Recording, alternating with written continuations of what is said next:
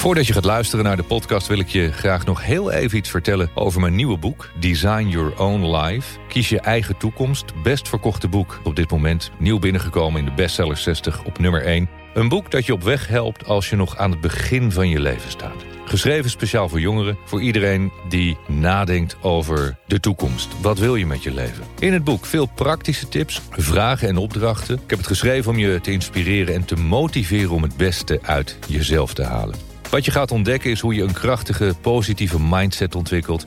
Hoe je omgaat met angst en stress, hoe je rust in je hoofd vindt... en hoe je invulling kan geven aan jouw meest ideale leven. Te koop bij iedere boekhandel en natuurlijk ook online.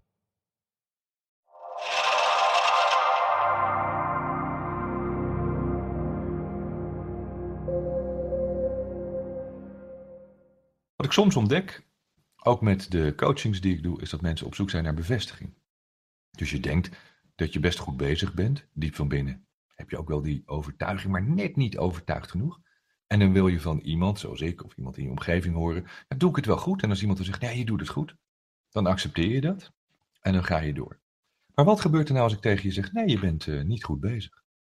Wat gebeurt er dan met je? Dan word je onzeker. En dan krijg je een gevoel van angst en twijfel. En dan daal je naar een negatieve energiefrequentie. En dan zul je merken dat er dingen fout gaan, omdat je negatieve dingen gaat aantrekken. Nogmaals, voor, voor mensen die zeggen, ja, ik geloof er allemaal niet in, in al die hocus pocus. Ik vind het goed. Het is hoe het is. Ik kan het ook niet veranderen. Het is al een paar honderd miljoen jaar zo op deze aardbol. Weet je, het zal altijd zo zijn. Je trekt het aan of je stoot het af. En op het moment dat jij in je negatieve frequentie gaat, omdat je in je twijfel vervalt, ga je het succes afstoten. Ga je afstand nemen van je doel en zal het moeilijker worden. Je tapt in op een lagere frequentie, de frequentie van twijfel. En die is gevaarlijk. Want twijfel is op zoek naar angst. En hand in hand gaan ze jou proberen pootje te haken. Dat zul je misschien ook wel herkennen. Dus doe ik het goed? Vraag jezelf af, waar ben ik mee bezig? Klopt het? Wat, zou er dan beter kunnen? Hè? Als, je, als je denkt van doe ik het goed, wat zou er beter kunnen? En ga gewoon door. Of je moet heel duidelijk signalen krijgen dat het niet goed gaat. dat, dat elke keer, elke actie die je onderneemt, op een uh, resultaat uitdraait dat je niet wilt hebben. Dan moet je bij jezelf gaan afvragen, waarom gaat het niet zoals ik wil? doe ik het wel goed, is geen goede vraag. Wat kan ik doen om te zorgen dat ik wel het resultaat krijg dat ik wil bereiken? Dat is wel een goede vraag. Maar wat moet je nou echt onthouden? Stel goede vragen aan jezelf. Het stellen van vragen is het allerbelangrijkste wat ik je zou willen meegeven. En ik weet dat er een aantal coaches in deze groep is die, uh, die zelf mensen coacht. Sommige van die mensen die heb ik uh, via de chat en via mail gesproken in de afgelopen weken. En een aantal, moet ik van zeggen, is heel bekwaam um, en is in staat om mensen goed te coachen. Um, ik moet helaas op dit moment nog zeggen dat de meerderheid van de mensen van wie ik dingen heb gelezen, is dat niet. Een goede coach stelt namelijk vooral vragen en geeft geen advies. Ik geef wel eens advies aan mensen. Ik zeg van, joh, misschien moet je wat gezonder gaan eten, wat meer gaan bewegen. Dat soort praktisch advies. Maar ik zal niet snel zeggen, als ik jou was, of dit moet jij doen. Ik stel vragen. De klant, de cliënt, de patiënt, de andere kant, die moet namelijk zelf het antwoord weten te formuleren. Die moet zelf op het antwoord komen.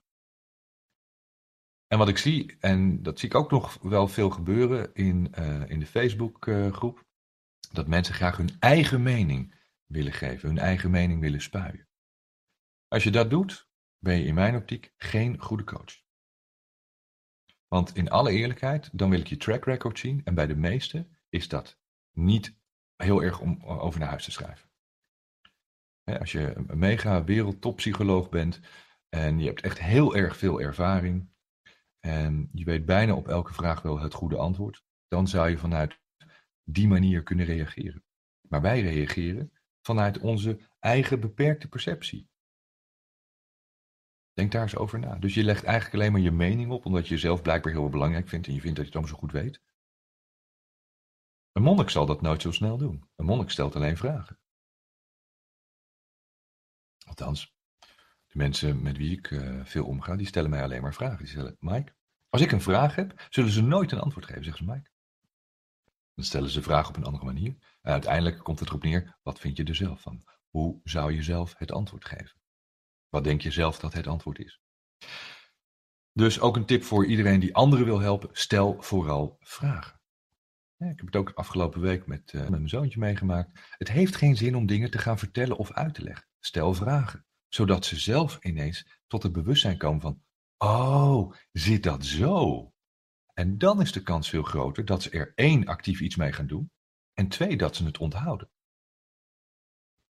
Het nadeel is als jij alleen maar informatie pusht, iemand anders denkt, ja, dat zal wel, weet je. Uh, ik vind van niet en je hebt direct een conflict situatie. En dat is wat je niet wilt. Goede vragen stellen. Dat vermijdt ook heel veel conflict situaties. Hè? Goede vragen aan jezelf stellen. Hè? Ga ook niet uh, je kennis nu gebruiken om te laten zien hoe goed je bent en dat op te dringen aan anderen. Want andere mensen vinden dat vervelend. Iedereen wil wel dat er van alles moet veranderen, behalve zijzelf. Dus dring het niet op. Probeer mensen duidelijk te maken wat jij eraan gehad hebt. Zonder helemaal tot over de top uh, uh, in je enthousiasme te gaan dat mensen dat ook lastig vinden. Want dat zul je zelf ook wel merken. Dat mensen dan zoiets hebben van, nee, doe even normaal. Weet je, zo kennen we je niet. Goede vragen stellen aan jezelf. En dat is best een dingetje om, uh, om te trainen. Goede vragen aan, je, aan jezelf stellen. Bewust zijn. En bewust zijn van wat je doet en waarom je het doet. En niet oordelen. Dit zijn misschien wel de drie dingen waarvan ik zeg van dit uh, zijn de drie belangrijkste dingen die je, die je mee zou moeten nemen. Niet oordelen.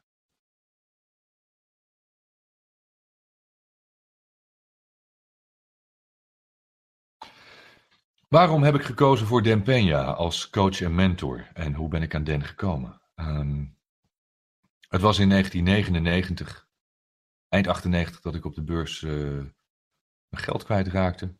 Ik moest iets. Ik moest heel nodig iets. Uh, er moest iets veranderen. En ik was in die tijd, ik, ik las sowieso al uh, boeken. Ik had Think and Grow Rich al een paar keer gelezen. Ik las boeken als How to Think Like a Millionaire, Don't Worry, Make Money. Losing My Virginity, Virginity van, van um, Branson. Boeken van Tony Robbins. Um, ik was daar heel erg mee bezig. En een vriendje van me, die, die deed mee. We, we, we, lazen allebei van dat soort boeken. En we hadden allebei dat idee van, we zouden graag eh, heel veel geld verdienen. Miljoenen, want we wilden allebei in een kasteel wonen. En ik zou ook graag in een Bentley willen rijden. En ik had hele mooie dromen, heel materialistisch. Maar wist al uh, dat geld je leven wel veel uh, makkelijker en leuker kon maken. Dat had ik al ervaren, dus ik wilde dat graag nog een keer doen. En op dat moment uh, zei hij, nou, er is iemand, een of andere Amerikaanse business coach. En die komt een seminar geven in, in Nederland. En volgens mij was het ergens in Maastricht of in het zuiden van het land, ik weet niet meer precies. En wij zijn daar naartoe gegaan. Ik weet nog dat dat was in die tijd 500 gulden om een, dag naar hem toe te gaan. Vond ik best wel een hoop geld, maar oké. Weet je, ik wilde in mezelf investeren, want ik wist dat er iets moest gaan gebeuren. Um, die dag was indrukwekkend. Ik heb een dag geluisterd en die man aangehoord. Toen dacht ik van wauw, deze, deze man, daar kan ik veel van leren. En hij bleek toen ook van die, van die kleine seminars te geven op zijn kasteel in Schotland. Wij hebben ons ingeschreven om naar het kasteel te gaan. Wat een astronomische investering was. Hè. Tegenwoordig kost het 15.000 euro om daar een weekje naartoe te gaan. Wij betaalden toen 25.000 gulden. En toen mochten we een week naar, naar het kasteel toe. En dat was mooi. Want wat ik al zei, Peña is, is, een, is een hele harde, keiharde zakenman. Als je hem kent, dan kun je heel goed met hem overweg. Maar hij is, hij is bikkelhard. En het leven heeft hem hard gemaakt. En vooral in het, in het grote zaken doen uh, heb je die mentaliteit wel nodig. Betekent niet dat je een slecht mens bent, overigens. Maar het is hetzelfde als dat als jij in een bokswedstrijd staat. En jij gaat poeslief de ander aaien, dan verlies je de wedstrijd. Dat zijn namelijk niet de regels van het spel. Dus Peña is hard. En hij is, hij is opgegroeid, hij heeft bij de commando's gezeten. Uh, hij heeft jaren militaire training gehad. En dat zie je vaak met hele succesvolle mensen. militair opgeleid, groot in martial arts, sport, vechtsporten, zijn heel erg gedisciplineerd. En dat is wat de meeste mensen missen, die discipline. Dat heb ik van Peña geleerd, die discipline. En het mooie was, toen wij die, die week naar het kasteel zouden gaan, Guthrie Castle in, in Schotland, toen, toen was hij ziek. En zijn secretaresse die meldde dat het seminar niet doorging. Het was nog nooit gebeurd, maar uh, Dan was ziek en het werd afgezegd. En ik was vastbesloten. Dit is vastbeslotenheid. En ik heb er gemeld dat, uh, of hij nou wel of niet ziek was, hij had een weekje griep, jammer voor hem.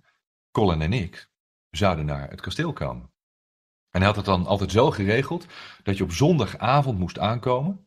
En dat kasteel dat ligt ergens in de middle of nowhere. Dus het was godsonmogelijk om een goede vlucht te krijgen. En dan was er ook geen trein meer te krijgen. Dan moest je met een taxi of je moest maar uitzoeken hoe je er kwam. Dat was een soort eerste duvestest, zoals hij dat noemde. Lukt het jou om zonder piepen op zondagavond op tijd op het kasteel te zijn? En Colin en ik waren er. We belden aan, hele grote poort. En ze hadden echt niet verwacht dat we zouden komen. Ik zei, ja, maar ik heb je gemeld, wij komen, ziek of niet. Die had ik onthouden. Ik zeg, hij is toch niet dood? En ziek is dood. Dus we zijn er. En we hebben een tijdje voor de poort gestaan en uiteindelijk ging de poort open. En toen kwamen we binnen en uh, dat is echt een waanzinnig mooi moment. Oude Peña, hij was toen, nou we praten over 17 jaar geleden. Hij is nu uh, 70, dus hij was 53. In een boxershort met een t-shirt liep hij door dat hele grote kasteel heen. Kwam hij naar ons toe en dan keek en zegt... Uh, ik zal de woorden niet herhalen, maar hij schold ons eerst vijf minuten helemaal verrot hoe we het in ons hoofd hadden durven halen om te komen, terwijl hij had toch duidelijk gezegd dat het seminar niet doorging. En toen zei hij, that's what I like about you guys. Jullie hebben doorzettingsvermogen, want jullie zijn de enige twee die toch zijn gekomen. En dat vond hij zo mooi. En toen hebben we uiteindelijk vier dagen met z'n tweeën privé, één op één, ongeveer twintig uur per dag les van hem gekregen. En ik heb in de jaren daarna ook vaak geroepen, ook in interviews. Wat ik in die vier dagen bij, bij Den heb geleerd, was meer dan in mijn optiek vier jaar Nijenrode. En het geestige van dit verhaal was weer een jaar later. Toen uh, gaven Den en ik samen een seminar op Nijenrode. Toen had ik inmiddels Future Active al, een uh, succesvol bedrijf in die tijd. En uh, toen gaven we samen een seminar op Nijenrode. Dat vond ik wel mooi om te doen. Zo ben ik dus aan Peña gekomen. Um, ja, is dat toeval? Ik weet het niet. Ik denk dat je het aantrekt. Ik geloof daarin. Ik ben ervan overtuigd. Uh, het is niet zomaar op mijn pad gekomen. Um, en daarna heb ik me vastgeklampt aan deze man. En vooral de eerste jaren spraken we heel vaak af. Vaak is dan één keer in een paar maanden. En vervolgens heb ik hem af en toe eens opgezocht en aten we eens een keertje in Amsterdam of in Londen of waar hij ook was en waar ik ook was. En uh, het is nog wel zo dat ik af en toe het seminar volg op het kasteel. Waarom denk je dat ik elk jaar dezelfde seminars volg? En waarom zijn wij laatst weer naar Miami geweest? Waarom gaan we volgende maand naar Londen? Over drie maanden zitten we weer in Londen. Wij doen ieder jaar een aantal seminars. En soms dezelfde die we al 1, 2, 3, 5 keer gedaan hebben. Maar het geeft de vibe, het geeft de flow, de energie. Het geeft je die boost dat je weer denkt van yes, weet je. Ik heb ook mensen nodig op een veel hoger niveau die mij omhoog kunnen trekken. En die zijn er natuurlijk ook niet zo heel veel, maar die zijn er wel. En ik ga graag ieder jaar naar die mensen toe. En dan doe ik elk jaar doe ik dat seminar. Ik ga dit jaar waarschijnlijk ook weer naar Den toe. En dan doe ik nog een keer mee, een week lang op het kasteel met het seminar dat ik al bijna uit mijn hoofd ken. Zoals Den ziek kan ik voor hem invallen. En toch vind ik het boeiend. Ik vind het boeiend om die energie te voelen. Om met andere mensen die gelijkgestemd zijn, die ook meer uit hun leven willen halen, om bij elkaar te zitten. Dus vandaar. Um, het blijft ook boeiend om, om met die mensen in contact te blijven natuurlijk. He, Egel, mijn levenscoach, daar gaan wij elke vier, vijf weken naartoe. Altijd, soms vaker. Hè? Soms zijn er momenten dat ik er elke week uh, naartoe ga. Elke week doen we online een een mentale coaching met elkaar. Je vertelt regelmatig dat als je je passie, je doel leeft, dat je daarmee een prijs moet betalen. Dat is logisch, lijkt me toch? In mijn oren klinkt dat als een dreigement. En je schrijft tussen haakjes, dat zegt vast iets over mij. Ja, dat klopt.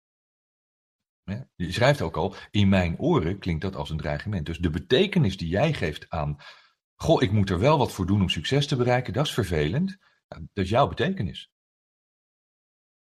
Er is niemand die, die met die gouden medaille wegloopt op de Olympische Spelen zonder dat hij daar iets voor heeft op moeten offeren. Mensen die die gouden medaille halen, of, of de, de schaatsers die nu weer uh, de WK aan het schaatsen zijn, die hebben heel veel moeten opofferen. He, die, zijn, die zijn vanaf hun dertiende, veertiende, vijftiende dag en nacht bezig geweest met sporten, met trainen na schooltijd. Die zijn niet uitgegaan, die zijn niet gaan roken, die hebben nooit gedronken, die gaan op tijd naar bed, die hebben een vast voedingspatroon. Die hebben een heel ander leven. Die hebben alles opgeofferd voor die gouden medaille, voor die wereldtitel. Succesvolle zakenmensen. Laat ik kijken naar mezelf. Um, ik heb 22 jaar keihard gewerkt. Ik vond het hartstikke leuk. Ik had niks anders willen doen. Ik was DJ, ik was VJ, ik heb een eigen televisiebedrijf gehad, ik heb een internetbedrijf gehad, eh, een uitgeverij. Ik werkte 80, 90, 100 uur per week of soms meer als het moest. Tot mijn 37ste heb ik vrijwel elke week een nacht overgeslagen. Geef je een achtste dag in de week om te kunnen werken. Ik ging bijna nooit naar verjaardagen. Ik had soms heel lang geen contact met vrienden. Een heel beperkt sociaal leven. Ik was altijd aan het werk. Dat was de opoffering die ik ervoor over had om dat succes te bereiken. Maar ook omdat ik het leuk vond. Ik voelde het niet als een straf of, of als een dreigement. Het heeft me godvergeten veel geld opgeleverd. Dat was ook een van mijn doelen. Je, je wordt niet multimiljonair door met je luie reet op de bank te blijven zitten. Als je het bent en je hebt een goede manier gevonden om je geld voor je te laten werken, kan je lekker met je luie reet op het strand gaan zitten met een drankje erbij en lekker over de zee uitkijken. Maar je moet eerst heel erg hard hebben gewerkt. Je moet opofferen. Als je niet iets opoffert in een relatie, heb je nooit een goede relatie. Je zult iets moeten opofferen. Liefde is de ultieme opoffering. Als je niet iets opoffert in je leven, dan, dan krijg je niets terug. Het leven is niet gratis. Alleen de zon komt voor niets op. Dus als jij zegt, het klinkt als een dreigement in mijn oren, dan doe je het niet. En als je zegt van ja, ik vind het belangrijk om uh, drie keer per week met mijn vrienden en mijn vriendinnen af te spreken. En ik wil naar elke verjaardag. Ja, en ik wil ook zeker niet meer dan 28 uur per week werken. Want dat vind ik allemaal, uh, ja, dat vind ik wel te veel opoffering. Doe je het niet. Maakt mij niet uit, het is jouw leven. Maar als je echt passie hebt, echt passie, diep van binnenuit, vanuit je hart. Dan, dan doet het je pijn dat je naar bed moet, dat je moet gaan slapen. Omdat je lichaam rust nodig heeft. Want je wil door, je wil niet stoppen. Opoffering. Niets in het leven is gratis. ik durf bijna te zeggen, ik kan van, van iedereen een groot succes maken. Als je met me samenwerkt. Ik, ik, en we werken nu deze week ook weer met een, met een businessgroep. Ik kan mensen echt hun omzet laten voor twee, drievoudige, voor vijfvoudige, voor, voor. Als je doet wat ik zeg. En als je er keihard voor gaat trainen. er zijn mensen geweest in de afgelopen maanden Mensen die ook meedoen met deze cursus, die ook al drie masterclasses hiervoor hebben gedaan, die zeggen: Ja, Mike, ik blijf meedoen, want elke keer als ik, als ik naar je luister, en dan zie ik mijn omzet stijgen. Maar wel door keihard te werken. En niet alleen hard werken, smart werk, werken. Het is niet alleen hard werken. Dat is nog wel een, misverstand dat mensen zeggen: Ja, ik werk heel hard. Nee, het gaat om, om smart werken. Maar je moet een prijs betalen om je dromen waar te maken. Als jij de prijs niet betaalt, het is heel simpel. Als je naar de winkel gaat, moet je een prijs betalen. En dan mag je het meenemen. Het universum werkt precies hetzelfde. Als jij niets wil opofferen, je wil er niet keihard voor werken, je hebt er niet alles voor over, denkt dat universum toch, ach weet je wat, we geven toch dat cadeautje. Ook al zit ze op de luie reet en ze doet er niks voor. Nee, zo werkt het niet. Het universum geeft alles waar je recht op hebt. Als je er keihard voor werkt.